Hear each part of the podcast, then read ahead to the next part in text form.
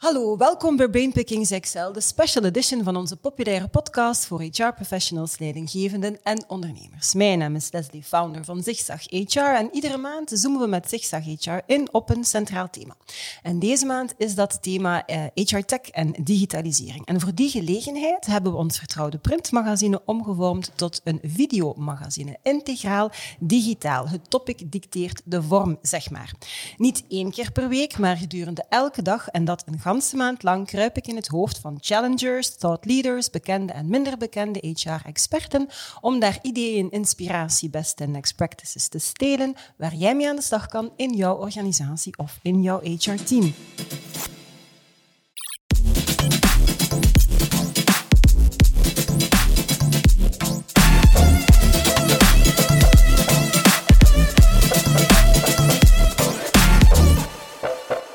En een special edition, dat vraagt natuurlijk voor een special hotspot. Dus ik ben hier vandaag te gast voor deze podcast op een fantastische hidden gem, Times More, in het hartje van Brussel. Fantastische plek waar het heerlijk werken en vertoeven is en waar je ook heel exclusieve events kan organiseren. En met een dame aan het roer, Christel Iris de Prins, die hospitality ademt. En dan is het echt wel met een hoofdletter H. Ik ben zelf de gast in het hoofd van een innovatiemanager deze keer, want daar valt doorgaans ook veel inspiratie te stelen. En al zeker in het hoofd van Jonas Polet. Hij is innovatiemanager bij Partena Professional. In zijn vrije tijd kan Jonas, zo vertelde hij mij, uren verliezen aan het leren van nieuwe dingen, maar ook aan wandelen, schapen drijven en mantrailen met zijn border collie. Ik moet hem straks dus zeker vragen wat mantrailen eigenlijk precies is. Hij is master in criminologie en bedrijfseconomie en na het werk is hij het liefst van al bezig met zijn handen en durft hij al eens te lassen, wist hij mij te zeggen. Partena Professional ondersteunt bedrijven op het gebied van payroll en legal services, zeg maar de harde kant van HR. En ze zijn daar ongetwijfeld heel erg blij met zo'n innovatiemanager als Jonas, want het regent awards voor hun innovatiepraktijken. Ze mochten recent een Corporate HR Award in ontvangst nemen als erkenning voor hun organisatorische transformatie. Dus uh, in ieder geval denk maar niet dat grote bedrijven log of niet flexibel zouden zijn. Als kers op de taart ontvingen ze recent ook nog eens de Special HR Community Recognition Award, een prijs waarvoor hun peers, dus professionals uit de HR-sector, gestemd hebben. En recent viel ook Payable in de, in de prijzen. Dat is een applicatie waarmee werknemers een voorschot op hun loon kunnen vragen. En met Paypal willen ze HR-teams ondersteunen bij de digitalisering en hen helpen klaarstomen voor de toekomst. En een flexibel loonbeleid, ja, dat hoort daar natuurlijk bij. Wel, daarover gaan we het in deze podcast dus hebben met Jonas. Hoe werkt die app? Hoe worden de werkgever en de werknemer daar concreet beter van? Kunnen medewerkers dan ongelimiteerd voorschotten vragen? Wat betekent dat eigenlijk voor de cashflow van het bedrijf? En hoe houdt HR dan in godsnaam nog het overzicht? Ik ben benieuwd. Jonas, welkom. Dankjewel. Dat was een hele intro in ieder geval, maar er was veel te vertellen over jou. Fantastisch. Ik ben blij om het allemaal zo, uh, zo gebundeld te horen, gezegd. Ja. Fijn, maar in ieder geval, ik had het al aangekondigd, hè. mantrailen. Wat is dat? Ja, dat is eigenlijk een uit de hand gelopen hobby. Mm -hmm. uh, ik, zocht een, ik zocht een bezigheid met mijn border collie die heel veel aandacht vraagt, mm -hmm. omdat hij gewoon heel veel energie heeft. En uh, mantrailen is een soort van speurlopen die we doen. Mm -hmm. Dus er is iemand die uh, de hond aanplaagt of die zich wegsteekt. Ja. En dan moet de hond de. Gezoppertje spelen. Nee. Ja, ja, maar op een hoog niveau. Ja. Oké, okay, maar het is dus niet een lijk zoeken of zo? Of... Uh, uiteindelijk kan dat, wel het, kan dat wel het doel zijn. Als je de hond traint om dat te gaan doen, dan kan, daar inderdaad wel, ja. kan dat inderdaad wel het doel zijn. Maar dat doen wij dat niet. Ga je Toch niet, niet wekelijks. Nee. Oef. Oké. Okay. Um, Payable. Yes. Um, met Payable kunnen werknemers zelf kiezen wanneer ze een loon krijgen. Hè. Uh, dus een, een, handige app, denk ik dan, hè, die de werkgever geen extra werk bezorgt, denk ik dan. Iedereen tevreden. Yes. Is het zo simpel? Uh, zo simpel als maar kan eigenlijk. Ja, ja, het klopt. Het is een soort van nieuwe filosofie die we ook introduceren. Mm -hmm. Het is aan de hand van een tool natuurlijk, maar ik zou het niet zozeer een tool noemen. Mm -hmm. um, het is en blijft een tool op de gsm. Het is een applicatie, hè? Mm -hmm. dus je kunt het downloaden om dan ook functioneel te gaan gebruiken. Het belangrijkste is voornamelijk dat je de filosofie introduceert in je bedrijf, waarbij dat je mensen verantwoordelijk maakt voor hun eigen cashflow. En je geeft ze de vrijheid en de verantwoordelijkheid om zelf te kiezen wanneer ze betaald worden. Ja. Heel praktisch, je hebt het al gezegd, eh, gaat dat in zijn werk door het opvragen van voorschot. Dus een voorschot op het loon van het einde van de maand, eigenlijk op basis van hetgeen ze al verdiend hebben. Met Ja. andere woorden, iemand verdient, eh, heeft een nettowaarde van 50 euro per dag. Hij heeft vier dagen gewerkt. Na vier dagen kan hij al 200 euro opvragen. Als hij het zelf nodig heeft, natuurlijk. Ja. Heeft hij het niet nodig, dan wordt hij gewoon op het einde van de maand zijn netto Zoals, salaris eh, betaald. ja, zoals altijd. Oké, want eh, we hadden ehm, recent ook een gesprek met, eh, met Steven van Bellegem, dus een van onze challengers deze maand. En hij zei dat ehm, alles eigenlijk, als het gaat over apps en tools, fast, fun en easy moet Yes. zijn. Durf jij zeggen dat het fast, fun en easy is voor HR en voor de gebruiker? Dat klopt. Daar, ben- daar ben ik heel sterk van overtuigd. zie het. Ja, ja. Ik ben een, eh, persoonlijk een heel grote fan van, van Steve Jobs. En zijn one-button simplicity. Mhm. Ja, ja, voilà. En dat hebben we ook toegepast in de app. In de Ja. app. Dus eh, werknemers die hebben de app, die, die, die openen hem. Hè, ze loggen in, wat dat je altijd moet doen Mhm. Ja. natuurlijk. En dan is er eigenlijk maar één knop, namelijk aanvragen. En met die ene knop wordt de aanvraag Ja. gedaan. Voor HR is het iets complexer, maar daar zijn twee knoppen. Ja, Mhm. Oké. ze, ze moeten goedkeuren of afkeuren, Ja. dus die keuze moeten ze maken. Ja. En op het einde van de maand genereert Payable automatisch een bestandje die dan opgeladen wordt in de, Ja. loon, in de loonverwerking. Dus effectief? Ja. oké. Ja, we hebben daar heel hard over nagedacht, want op een bepaald moment word je met heel specifieke situaties geconfronteerd. Mhm. En dan kan je het echt op maat gaan maken van een organisatie. Maar we hebben heel duidelijk proberen te zijn in wat we echt willen toepassen voor, of wat we echt willen gebruiken voor eh, zoveel als mogelijk organisaties, Mhm. zonder te veel in detail te gaan. Eh, want het is, ja, het is ook een, een, een, butade. Hè. Eh, iets, iets simpel maken is soms complexer en moeilijker Absoluut. dan, Ja, dan anders. absoluut. Maar we, daar zijn we heel trots om te zeggen, nu toch wel in geslaagd. Ja. Mooi. Zeg, en kan, kan elk bedrijf er dan mee aan de slag? Of moet je een bepaald aantal medewerkers hebben? En moeten ze ja, bij jullie aangesloten zijn dan daarvoor? Ehm, de grootste winst is natuurlijk bij de grote bedrijven. hè. Mhm. Eh, kleine organisaties, daar ligt de band natuurlijk tussen werknemer en werkgever iets dichter. Ja. Dus als een werknemer het iets moeilijker heeft of nood heeft aan wat geld of zo, dan gaat hij het vragen. Wat gebeurt er dan? De, de verantwoordelijke, de zaakvoerder meestal zelf, die haalt het dan uit de kassa en die Ja, geeft het. Hè. dan heb je geen app voor nodig. Nee, voilà. En die houden het bij op het einde van de maand. Ja. Dat wordt geregeld onder elkaar. Natuurlijk grote bedrijven, waar de afstand natuurlijk tot de beslissingsnemer en Mhm. tot de mensen die het moeten uitvoeren net iets groter is. Daar is de winst natuurlijk ook gewoon het grootste. Het feit dat we het ook automatiseren, gans dat proces, Ja. is natuurlijk ook wel een voordeel. Eh, ik herinner mij een bedrijf uit de haven van Antwerpen en dat was 400 werknemers. Eh, allemaal in ingenieursprofielen, Mhm. dus eh, allemaal bedienden. Hè? Dus die hadden ook geen gewoonte om maandelijks een voorschot te krijgen, eh, Mhm. halfweg de maand. Ehm, en elke maand was er toch iemand, dat verschilde natuurlijk van persoon, hè, maar elke maand was er toch iemand die een voorschot vroeg. En dan ging dan naar de teammanager, van de teammanager naar HR. Oh, HR zei dan dat het goed was, heel vaak. Hè. Dan moest dat naar de boekhouding, want de Ja. betaling moest voltooid worden. Dan ging dat van de boekhouding naar HR terug om in de loonverwerking te steken. En dan moest het natuurlijk afgeboekt worden in de boekhouding ook. Goh. Ja. en dat was eigenlijk voor één aanvraag, ging er in dat bedrijf voor één aanvraag elke maand een uur verloren. Omdat iedereen daar moest intussen Ja. komen. Dat hebben wij nu geautomatiseerd. Oké, dus dat kon inderdaad beter. Ja. Zeg, de, de concrete aanleiding dan voor, eh, voor Payable, hè? dus welke, om misschien even op, op te lijsten, welke problemen die de medewerkers ervaren of kunnen ervaren, lossen jullie hier concreet mee op? Puur vanuit de medewerker dan eerst. Ja, ehm, eigenlijk de, de, de bron of de oorsprong van, van, van Payable was, was eh, een, een soort vaststelling die we gemaakt hadden, wat dat we noemen de working poor. Hè? Dus de mensen, de mensen die gaan werken en op het eind van de maand hebben ze een beetje maand over in plaats van geld. Hè? Ja. Eh, ja. En, ehm, en dat is soms niet altijd afhankelijk van bepaalde persoonlijke uitdagingen of dergelijke meer. Gewoon in, in een bepaalde situatie in het leven zitten. Hè? Net verhuisd of, of net een nieuwe start gemaakt. Iemand die van school komt en, en zijn eerste huur of waarborg moet betalen of zo. Kleine Eh, kinderen, veel pampers. Voilà, de, de, de, septem, is- de septembermaand is een September, ja. dure maand omdat de schoolrekeningen moeten betaald worden, de beugels die moeten betaald Ja, worden, ja, noem maar op. Hè. Ehm, en eigenlijk hebben we toen gezegd van ja, 1 op 10 eh, werkende Belgen die hebben op het einde van de maand financiële stress. Mooi. Ja. En natuurlijk, als payroll provider hè, zitten we aan de bron van, van, een, van een financiële oplossing. Ehm, en toen zijn we beginnen nadenken, maar ja, is het wel de taak van HR om daar aandacht aan te besteden? Is het wel de taak van een werkgever om wakker te liggen Ja. de financiële zorgen van een werknemer? Hè? Want uiteindelijk, op het einde van de maand worden ze betaald. Ze doen er een maand mee wat dat ze willen. Mhm. En dan op het einde, hè, eh, of een maand later, eh, hebben we weer dezelfde cyclus. Mhm.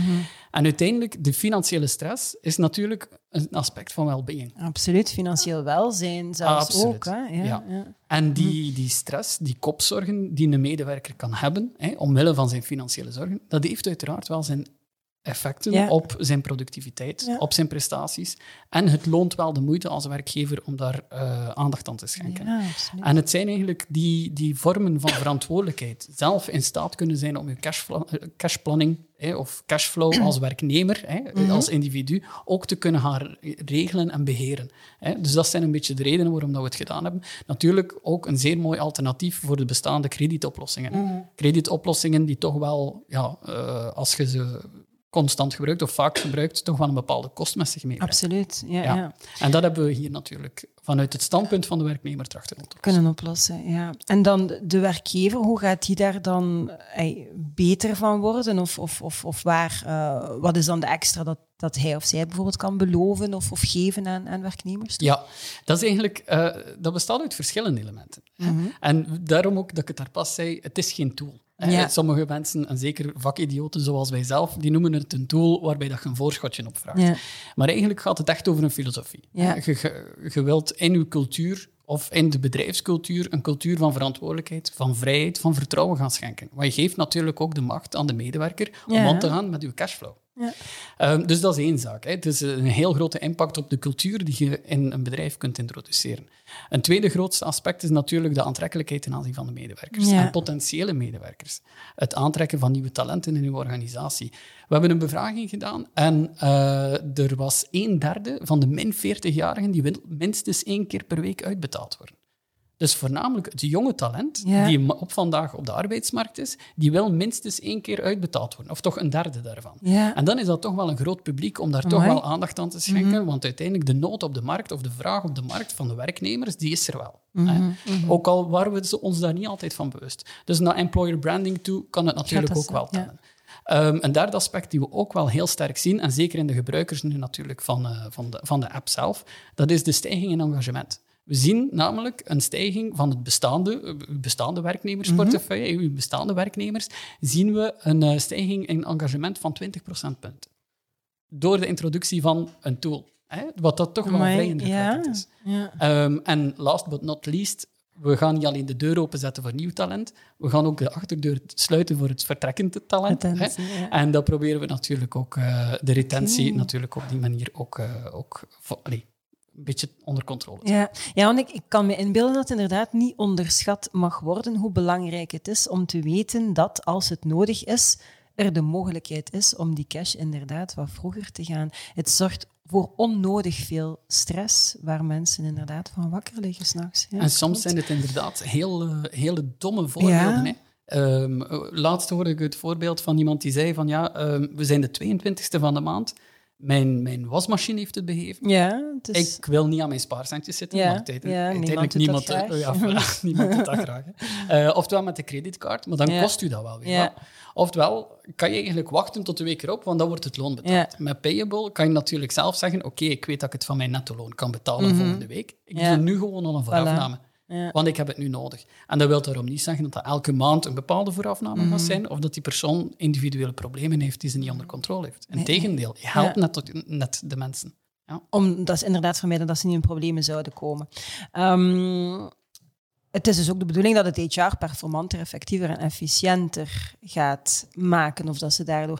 Zij hebben daar dan geen extra last door of bezonjes door. Het maakt het proces frictieloos voor hen ook. Ehm, in het begin dachten we, we gaan eh, de applicatie opmaken waarbij dat HR enkel op het einde van de maand de upload moet doen, zal ik maar zeggen, hè, van, de van de be- betalingen die reeds gebeurd zijn in de normale loonverwerking. En dan hebben ze daar geen bezonjes meer over. Ehm, wat dat we wel gezien hebben in feedback, dat is dat werkgevers soms toch nog eens een oogje in het zeil willen houden. Ze willen de vrijheid geven hè, aan de toch, medewerkers, maar ze willen toch nog eens meekijken, zo Ja. over de schouder, om zeker te zijn dat er geen individuele problemen Ja, ontstaan daardoor, hè. Ehm, dus daarom hebben we er wel iedere keer de, de, de, de schakel tussen geplaatst, waarbij werkgevers of HR elke aanvraag goed- moeten goedkeuren. Ze moeten hem goedkeuren of afkeuren, omwille van verschillende redenen dan ook. Ehm, en het is net die dat is eigenlijk de enigste stap die er net tussen zit. Hè? Ja. De- dus de aanvraag die vertrekt van de werknemer met de ene knop. Mhm. En de werkgever of HR, die moet het dan goedkeuren Ja. of afkeuren. Oké, dus het is niet dat ze daar bakken vol extra Nee. werk gaan. Nee, we hebben zelfs een knop geïntroduceerd, keur allemaal goed. Dus eh, op die manier kan alles in één keer goed Oké, maar niet keur allemaal af, dat zit er nog Nee. niet. Goed. Ehm, nu, ehm, ik zie inderdaad heel veel voordelen en ik zie heel veel kleine en misschien ook minder kleine problemen die hierdoor opgelost kunnen worden. Maar natuurlijk moeten we altijd kritisch zijn en ik kan me inbeelden dat mensen die luisteren of kijken ook wel zoiets hebben van, ja, maar... Misschien dat we toch een keer ah, kijken, bijvoorbeeld... ehm, er is natuurlijk een verschil tussen iemand, hè, de wasmachine is kapot en ik moet nu even, en iemand die systematisch geldtekort heeft. Hè. Ehm, ja, moeten die mensen dan niet tegen zichzelf beschermd worden? Dat is misschien niet het juiste woord, maar ja, en, en kun je dat dan bijvoorbeeld ook gaan weigeren aan, aan personen en aan anderen niet? Ja, absoluut. Hè. Ja. Eh, en, en dat is een, een, een terechte opmerking. Hè. Sommige mensen moeten inderdaad wel beschermd worden tegen Mhm. zichzelf. Maar wat dat we nu zien in de normale loonbetaling, dat is dat iedereen dezelfde regel volgt. Namelijk, Mhm. je wordt allemaal op het einde van de maand betaald, of in een arbeiderspubliek allemaal op het einde van de maand een saldo, en Mhm. halfweg de maand allemaal hetzelfde eh, eh, voorschot. Wat dat Payable net doet, dat is die individuele gevallen net naar boven brengen. En uw Ja. HR is niet alleen een tendens van individualisering voor uw werknemers, maar ook een individualisering voor uw HR-beleid zelf. Mhm. Want op die manier kan je net gaan zien wie dat er met een individuele uitdaging zit. En dan kan je dat persoonlijk gesprek gaan openen en gaan zeggen, we zien dat het wat moeilijk gaat. Kunnen we op een andere manier helpen? Oké. Vroeger kwam dat niet naar boven. Maar Nee. vroeger, wat gebeurde er? Mensen gingen een krediet aan die ze niet meer konden terugbetalen. En Juist. plots kwam er het briefje binnen van het loonbeslag. Ja. En dat was het kalf eigenlijk al verdronken. Nu Dus op- hier kunnen ze veel vroeger, korter op de bal spelen en, en vroeger inderdaad gaan detecteren van oei, hier zou Ja. wel eens een probleem kunnen Absoluut. zijn. En Ja. voor al die andere gevallen die niet in zo'n situatie zitten en die het wel perfect onder controle kunnen houden, of die, die eh, het af en toe ook eens nodig hebben, die hebben dan ook de vrijheid om het te doen. Mm. Ja. Dus die individuali- individualiseringstendens van HR, die we natuurlijk tegemoetkomen met Payable, hè, flexibilisering, Mhm. maar ook individualisering, dat is eigenlijk een tendens die op twee kanten speelt. Hè. Ja. Het is een verhaal zowel voor de werknemer, iedereen individueel. hè. Mhm. Ze mogen zelf gaan bepalen wat ze verdienen, maar nu ook wanneer ze verdienen. En ook op het vlak van HR. Ja. HR kan ook individueel gaan ingrijpen. Ja. Of kan in- in- inderdaad individueel gaan zien waar de uitdagingen waar zitten. er inderdaad problemen zouden kunnen zijn. Ehm, ja, naar cashflow, dan hoe, hoe manage je dat? Ik kan me inbeelden dat mensen ja, maar dat heeft wel een impact. Hè. Hoe- Ja. Wat is daar jullie eh, antwoord? Of, of, eh, op? De gouden sleutel daar eigenlijk is het dagbedrag. Hè? Dus, eh, we hebben het daar pas even af, eh, aangehaald. Eh, een, een dagbedrag gaat eigenlijk gecumuleerd worden volgens het aantal werkdagen dat die persoon die maand presteert. Mhm. En het bepalen van dat dagbedrag is natuurlijk cruciaal om je eigen cashflow of de impact daarop te kunnen provisioneren. Als je aan iedereen 100 euro per dag geeft, Mhm. Mhm. dan weet je natuurlijk dat die impact groter zal zijn dan, dat, dan dat je aan iedereen de mogelijkheid heeft om 50 euro per dag op te vragen. Dus ook in dat, in- als je de controle goed houdt over eh, het dagbedrag, dan kan die impact op je cashflow eigenlijk altijd geprovisioneerd worden. Oké. Eh, dat is één. Niet alleen in hoogte van het bedrag is er dus een controle van de cashflow, maar ook in, in tijdsduur. Je kan eigenlijk de applicatie zelf gaan bepalen wanneer je hem openzet. Dat is tussen de eerste van de maand en de 28ste, of tussen de vijfde en de 25ste bijvoorbeeld, of tussen de tiende en de 28ste. Eigenlijk bepaal je zelf hoe lang die mogelijke impact op je cashflow is. Ja. En daarnaast is de tijdsduur van de impact op je cashflow natuurlijk ook beperkt omwille van nettoloon die moet betaald worden. Ja. Op het einde van de maand moet het nettoloon toch gesaldeerd worden, dus de impact is maximaal één maand. Ja. Dus er is een impact op je cashflow, absoluut, maar je kunt die onder controle houden in tijdsduur of in de hoogte, de door het eh, dagbedrag te bepalen. En werkgevers, mocht het op dit moment, hè, omwille van verschillende uitdagingen Mhm. die we allemaal ondervinden in het ondernemerslandschap vandaag, mochten we daar zien dat, er, eh, dat het nu even gewoon niet kan, omwille van de situatie, financiële situatie van het Mhm. bedrijf, dan kan er altijd geweigerd worden. Ja, oké. Ehm, als ik dan kijk naar, naar HR, je hebt het eigenlijk, vind ik wel een stukje daarnet al gezegd, van, dat ik heb nu het beeld van, oké, HR moet gewoon op een knopje duwen en kous is, eh kous is daarmee af. Ehm, ja, maar wat dan misschien bijkomend, eh, wat ik denk eh, een bijkomend probleem zou kunnen zijn, is van, hoe ziet je dan bijvoorbeeld op het einde van de maand, ja, hoe houd je dat dan overzicht van wie dat er al een voorschot heeft gekregen en wie niet? Eh, dat is allemaal geautomatiseerd. Ze moeten niets... Absoluut. Uh, Payable houdt het allemaal bij, uiteraard, want ze Mhm. doen de betalingen. Hè, of de, de, de, de, tool eh, doet de betalingen. Mhm. Hè, eh, op het einde van de maand wordt er een, een kleine uitdruk genomen van, eh, en via een rapporteringssysteem van wie heeft welke uitbetaling Ja. gedaan. En dat wordt opgeladen in de loonsoftware, dat... ongeacht welk loonpakket waarmee je werkt. Ja, wauw, oké. En dan nou, heel wat bedrijven die toch echt wel inzetten op flexibel verlonen. Hoe, hoe gaat dat dan? Heeft dat dan een impact? Kan dat daar ook mee ingestoken worden? Bonus, eh maaltijdchecks, eh, whatever? Ja, ehm, we zitten aan de start van Payable. Hè. We zijn Mhm. gelanceerd, ik denk, eh, eind oktober vorig jaar of zo, of, of begin Ja, november. mhm. Dus eh, het, gaat, eh, het gaat zeer snel. En we zijn constant aan het investeren in doorontwikkeling. Ja. En een van de eerste zaken die we, die we te horen kregen was van, ja, wat mag daarin? Hè? Want Ja. so- sommige mensen worden zeer origineel in hetgeen ze er willen insteken. Ehm, maar altijd checks is natuurlijk moeilijker, omdat dat, omdat dat valoriseerbaar is met een bepaald sociaal en fiscaal, fiscaal aspect. Ehm, maar we zijn nu bijvoorbeeld wel aan het kijken eh, wat de wetgeving toelaat, bijvoorbeeld op het vlak van eindejaarspremie of vakantiegeld. Ja, niet alleen kunnen we dan de kost voor de werkgever uitspreiden over 12 maanden in plaats van Ja, één ja, maand, absoluut. maar kunnen we ook het nettoloon van de, het maandelijkse nettoloon of het netto vermogen, koopkracht van de werknemer gaan verhogen, Ja. zonder dat de loonkost moet verhogen. Ja, ja. En daar zijn we nu inderdaad aan het kijken in welke mate dat we dat... interessant, eh, Ja, precies. eh, Maar inderdaad, jullie zijn eigenlijk dat je al een paar keer hebt. Je, je begint eigenlijk met, met bijna minimum viable product, mag ik het dan gaan Yes. noemen. Van wat, wat is de basis? En dan gaan doorontwikkelen op basis van de concrete vragen dat je krijgt van de klanten die ermee. Dat is ja, knap, knap, knap. Ja. Ehm, ja, jullie zijn recent met de app nog eens in de prijzen aangevallen ook. Eh, wat maakt dat jullie als winnaar uit de bus zijn eh, gekomen? Is, is dat de technologie die dan zo innovatief is? Of het, het, het idee van daglonen, is dat dan zo disruptief? Of wat maakt dat Ja. in alle bescheidenheid dat jullie het gehaald hebben? Ehm, goh, de technologie op zich is niet zo heel vernieuwend. Hè? Mhm. Eh, en, en ook het concept van daglonen is eigenlijk Nee. niet vernieuwend. Want vroeger was, vroeger was dat, was dat schering en inslag. Iedereen werd dagelijks betaald. Ja.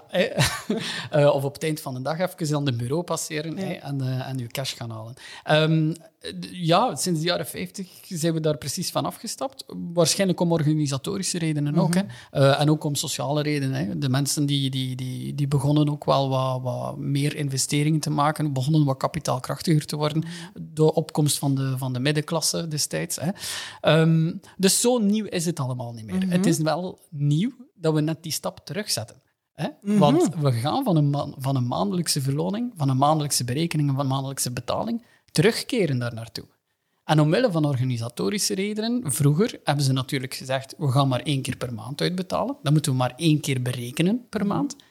Nu hebben wij het proces van berekenen en betalen volledig uit elkaar getrokken. En we hebben gezegd, de berekening, dat is goed, dat mag op het eind van de maand. Maar wat dat er echt doet voor de mensen, wat dat er echt het verschil maakt, is hetgeen dat ze op, zijn, op, hun, eh, op hun loonbrief krijgen. Ja, En het is die filosofie die we introduceren, die natuurlijk vernieuwend is.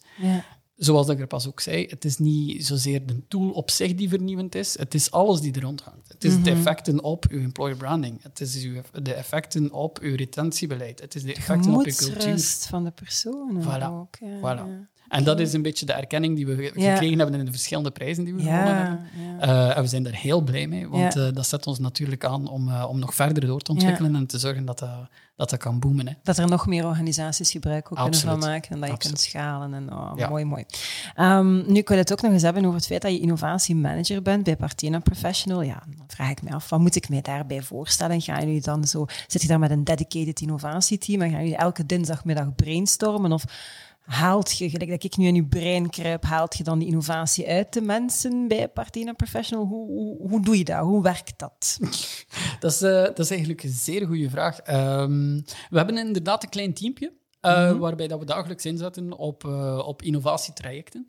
Ehm, we hebben wel een, een, een, een, soort van leidraad, hè, waarbij dat we altijd vasthouden aan, aan, aan verschillende criteria. En elk idee wordt aan die criteria ook getoetst. Hè. Ehm, maar elk idee proberen we ook wel de, vatbaar, de, de levensvatbaarheid ervan te schalen. Nu, eh, waar dat we geen tekort aan hebben, dat, is, dat zijn ideeën van process improvement. Ja, Hè. ja. Iedereen ziet meteen winst. Kleine frustraties, Ja. dat, kan, dat kan beter. Ja, inderdaad. En dat gaan wij niet gaan doen. We hebben, eh, ja, we hebben daar experten genoeg voor die dagelijks onze, onze tools ontwikkelen of, of processen kunnen aanpassen of dergelijke meer. Wat dat wij wel gaan doen, is echt gaan kijken, oké, hoe kunnen we onze eigen wereld eigenlijk overbodig gaan maken? Want als er niemand Mhm. anders ons overbodig maakt, dat- eh, of als we het zelf niet doen, Ja, dan zal iemand het anders het doen. Dus inderdaad. Ja. dus we stellen insteek. onszelf eigenlijk in vraag. Mhm. Wat dat we ook altijd zeer, eh, zeer graag doen, dat is kijken naar andere sectoren. En Ah, over het muurtje kijken. eh, Nee. niet, Ja? niet Nee. naar andere bedrijven en zeker niet binnen onze, onze eigen sector, maar zien hoe veranderingen in andere sectoren ons kunnen gaan Over het beïnvloeden. muurtje kijken. Ja, ja oké, dan is het over een muurtje kijken. Ja. Cross-industry innovation, denk ik, wordt het zelfs benoemd. Van hoe gaan andere sectoren gelijkaardige problemen Ja, aanpakken en hoe vertaal je die dan ja, naar jullie sector? ja wij, wij doen heel graag aan analogisch denken, zoals dat ze noemen. Hè. ja, Ehm, en als eh, een voorbeeld bijvoorbeeld, eh, BMW die gaat samenwerken met VeChain ja. eh, om hè, de blockchain-technologie, om natuurlijk de deelwagenconcept, als daar Mhm. een, een, een, een kras op is, dan weten ze meteen wie op welk moment met de, met de wagen reed. ja. En dan denken we zeer graag analogisch verder. Als we die blockchain-technologie gebruiken om afstanden te meten, als we die blockchain-technologie gebruiken om tijd te meten, dan weten we hoe lang iemand in zijn wagen naar waar rijdt. Mhm. En dan worden daar ook verloningselementen aan gekoppeld. Mm. Zoals onkostenvergoedingen, Mhm. zoals kilometervergoedingen of zoals werkuren zelfs. En dat zijn dan zaken die we zeer graag doen. Ja. Nu, we doen dat één keer per drie maanden. Dus, eh, En wat, wat, is, wat doen jullie dan? Is dat waar haalt je die? Je komt samen en, en, en wat gebeurt er dan? Je kijkt naar... We verzamelen eigenlijk alle informatie die Continu. we kunnen. Con- continu Ja. verzamelen alle informatie. Mhm. En één keer per drie maanden zeggen we dan, oké, wat is onze strategie? Mhm. En eigenlijk hebben we een strategie op, op eh, vijf jaar in termijn. Hè, en die gaat in principe niet wijzigen. Hè. Of Mhm. Het zou wel sterk moeten zijn. Daar die gaan we naartoe Ja. ergens. Ja, ja. ja. Mhm. Maar hoe we daar geraken, Zeg dat veranderen we elke drie maanden. Oké, dus maar de, de strategie op langere termijn ligt vast. Je verzamelt continu informatie en om de drie maanden komen we samen en dan gaan we daar eigenlijk samen gaan beslissen van wat gaan we nu eventueel Ja. verder verkennen en wat hebben we daarvoor nodig. Of, Ja, wat Ja. zijn onze prioriteiten? Ja. En onze prioriteiten, als die dezelfde zijn als ervoor, dan lopen onze projecten gewoon verder. Of proberen we die nog een andere wending te geven. Is dat niet meer het geval, dan schuiven we die opzij en dan beginnen we met iets anders. Ja. Belangrijk ook in innovatie, vind ik toch, is af en toe op tijd ook de stekker te kunnen uittrekken. Mm. Dat, Ja. is, een- dat is een moeilijke les, omdat op een bepaald moment wordt je concept je babytje. Ja. Hè, Payable, ik kan het niet loslaten, Mhm. eh, maar je moet het wel loslaten. Ja. En mocht Payable bijvoorbeeld niet de ampleur krijgen dat het nu krijgt, hè, en het, mocht het een slag in het water zijn, dan is het jammer, maar dan moeten we daar wel de stekker uittrekken.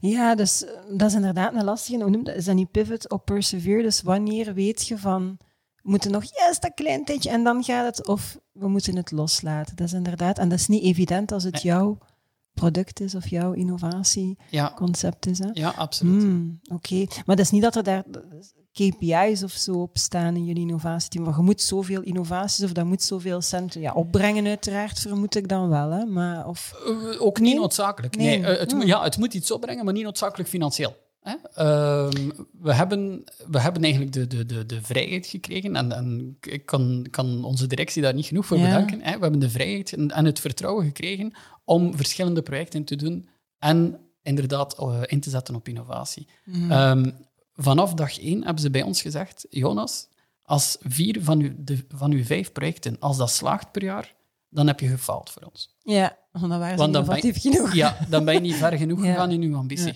Mhm. Oké. En dat is natuurlijk een andere manier van naar innovatie kijken. Ja. Het is nu niet dat ik mijn best doe om mijn projecten te laten vallen, natuurlijk. Mhm. Maar wel om ambitieus genoeg te zijn en te zien hoe dat we eruit kunnen leren. En de return die we er dan uit hebben, is niet altijd een financiële return, maar is wel een return uit leren. Ja, dus is natuurlijk uit kennis en uit ervaring die we vergaren. Ehm aldoende weg hebben we de grenzen van artificiële intelligentie opgezocht, enkele jaren geleden. Mhm. Eh, en dat heeft ons toch wel wat tijd en energie gekost. Ja, Maar, eh, maar dat is het dan ook bij gebleven. ja, ja. Ja. oké, super. Zeg, en ehm, misschien tot slot ehm, een paar tips of, of concrete ideeën voor mensen die luisteren of kijken, die zelf innovatiever willen worden. Ja, Wat kunnen ze doen? Ik heb daar, ik, heb daar eigenlijk al, al enkele keren heel goed over nagedacht. En bij mij komen er altijd drie dingen terug. Mhm. Eh, of vier zelfs, hè, bij uitbreiding. Eh, eentje is, is altijd... Sommige mensen zien innovatie als iets onoverkomelijk. Ze proberen meteen de wereld te gaan veranderen. Ja. Hè, en de impact op, op, op, op ganse processen of structuren. Wat dat ik altijd probeer voor ogen te houden, is die MVP, de Minimum Viable Product. Wat heb je op vandaag nodig? En hou je project klein. Ja. Wees ambitieus, probeer de wereld te veranderen, maar probeer dat tegelijk ook terug te brengen naar iets die, die, die klein genoeg is Ja. om het onder controle te houden. Ja. En als je dat kunt doen, dan heb je een heel goed project vast om op korte termijn, op drie maanden termijn, altijd al eens te proberen en te testen. En na drie maanden, uiteindelijk drie maanden, dan is er nog niet echt iets verloren. En dan kunnen we nog zien wat er gebeurt. Ja. Dat is eigenlijk één, eh, één verhaal. Een tweede verhaal, die ik, of een tweede belangrijke pijler die, die bij mij altijd naar boven komt in innovatie, is vertrekt vanuit een business. Ja. Ehm, heel vaak zie ik eh, de fout gebeuren dat er, een, eh, een, dat er geïnnoveerd wordt. Er wordt een product gemaakt en op het einde van de rit zeggen ze, we hebben een product nu en nu gaan we de klant zoeken. Ja. Maar dat is natuurlijk de wereld op zijn kop. Ja. Je moet een product ontwikkelen of je moet een, een, een innovatie gaan ontwikkelen om een businessprobleem te gaan oplossen. Mhm. Of net omwille van die klant die je tracht te zoeken op het einde van het traject, moet je eigenlijk al op voorhand gaan betrekken om die feedback te krijgen, om te weten wat de nood precies is. En dat is eigenlijk uw, uw problem-solution Ja. fit dat moet gebeuren. Ja, hè. absoluut. Ehm, een derde vind ik ook altijd, soms is innovatie ergens een, een, een, een hoekje in, in een donker kamertje in de organisatie. Probeer dat open te trekken. Probeer dat breed te trekken naar verschillende geledingen in uw organisatie. Innova uiteindelijk, innova iedereen kan innoveren. Iedereen kan die ideeën inderdaad Absoluut. aanbrengen. Hè? Absoluut. Verschi- en, en, en wat er natuurlijk mee gedaan wordt, hoe een concept omgezet wordt naar een business case, wat de verschillende businessmodellen zijn die kunnen toegepast worden, hoe dat getest wordt en dergelijke meer. Dat is eigenlijk allemaal vrij toegankelijk. Hè? Eh, en je kunt dat aanleren. Dus zelfs via training kun je eigenlijk ja, innovatiemethodes, methodologieën, technieken kunnen aangeleerd worden. Maar dat, dat is natuurlijk enkel relevant als het opgeschaald wordt naar de rest van de organisatie. Dat vind ik een zeer belangrijke. Oké. En eh, als laatste punt vind ik altijd, vergeet de mens niet. Hè? Eh, zeker in HR. eh, is, is de, de mens moet blijven centraal staan. Mijn, mijn, mijn, mijn betaal is ook altijd een beetje van hey, put the people back in HR. En probeer de rest te automatiseren. Oké. En zorg ervoor dat je mensen nooit vergeet. Want het zijn die die moeten, eh, moeten uw innovaties ondersteunen. Ja, ja, En, absoluut. eh, een, een prachtig voorbeeld dat ik daarin heb. eh, Een jaar of twee, drie geleden zijn we ooit begonnen met de introductie van chatbot-technologie. Mhm. En eh, we hadden een proces gekozen waarbij dat, dat, die zeer goed juridisch afgeleid was. Hè, namelijk de ontslagprocedure. We hadden gezegd van als we dit kunnen automatiseren, dan kunnen we wel zien wat, dat de, wat dat de volgende stap is. Mhm. En, en, en de ontslagprocedure, wettelijk gezien, is, is, is zeer afgeleid. Hè. Je Ja. krijgt daar geen spel tussen. Mhm. Ehm, en ik weet nog, twee weken voordat we de chatbot gingen opleveren, zei, zeiden mijn collega's van de juridische dienst van ja, we gaan hem dan testen en we gaan hem stuk maken. Ja, de, ze waren bang voor verandering. De, ze, we gaan hem stuk maken, want die kan niet zo goed zijn als ons. En toen zijn we begonnen met bevraging, hoe, hoe- die chatbot, hoe moet, dat eigenlijk, hoe moet die gaan noemen? Hè, hoe gaan we, welke naam gaan we hem geven? Nou, we hadden een bevraging gedaan met jongensnamen, meisjesnamen en dan hè, iedereen laten stemmen. Zijn we uiteindelijk op Louise uitgekomen. Hebben we Louise haar geboorte ook aangekondigd in het, op het intranet met een soort van, eh, van, van geboortekaartje en zo. Ehm, en op die manier leven de mensen ook mee met uw projecten en innovaties. En zo Omdat zie je je dat... er iets persoonlijks van... ey, om, omdat, om. Omdat je er iets persoonlijks van maakt van die chatbot. Om, omdat, omdat ze een collega wordt. Voilà. Ja. Ja, onze chatbot is geen tool. Onze chatbot is de nieuwe collega die ontslagprocedures Zalig. regelt. Ja, ja. mooi. Ja. Oké, dat is een heel fijn. En, eh, om, eh, om je af te sluiten, Jonas, ze zei dat je zegt van ik, ik moet dit nog kwijt. Is, is er nog iets fundamenteel dat je Ik met kan de nog wereld uren wilt? met u vullen, Leslie. Maar ik denk dat we het hierbij gaan. Goed, maar ik denk inderdaad op een half uurtje hebben ze eigenlijk heel goed uitgelegd van wat, wat, wat, wat, wat jullie eigenlijk doen en in welke mate dat zowel werknemer als werkgever, als HR, als misschien zelfs bij uitbreiding van mijn part de maatschappij er beter van wordt. Als je mensen minder zorgen geeft, dan staan ze überhaupt gewoon gelukkiger in het leven en dus ook op het werk. Dus eh, mooi. Nog een keer proficiat met, eh, met wat jullie daar gerealiseerd hebben. Merci dat ik in, eh, in jouw hoofd mocht, mocht kruipen Altijd vandaag. Oké, super. Dankjewel ook aan, aan jullie om te luisteren of om te kijken. Vond je deze podcast fantastisch? Vertel het dan natuurlijk verder aan zoveel mogelijk mensen, zodat wij ook verder kunnen groeien. Was je het misschien niet helemaal eens met een aantal zaken, want ook dat kan, laat ons ook dat weten. Er was destijds een Franse filosoof en die noemde Nicolas Boileau en hij zei du choc des idées jaillit la lumière. Wat eigenlijk zoveel betekent als door het botsen van inzichten en ideeën kom je eigenlijk tot nieuwe inzichten en misschien zelfs wel tot innovatie. En daar gaat Jonas waarschijnlijk heel gelukkig van worden. Voilà, hiermee wil ik afsluiten. En het allerbelangrijkste, waarmee ik eigenlijk elke podcast al alle afleveringen heb afgesloten en wat jullie allemaal al weten. It's a great time to be in HR. Tot de volgende.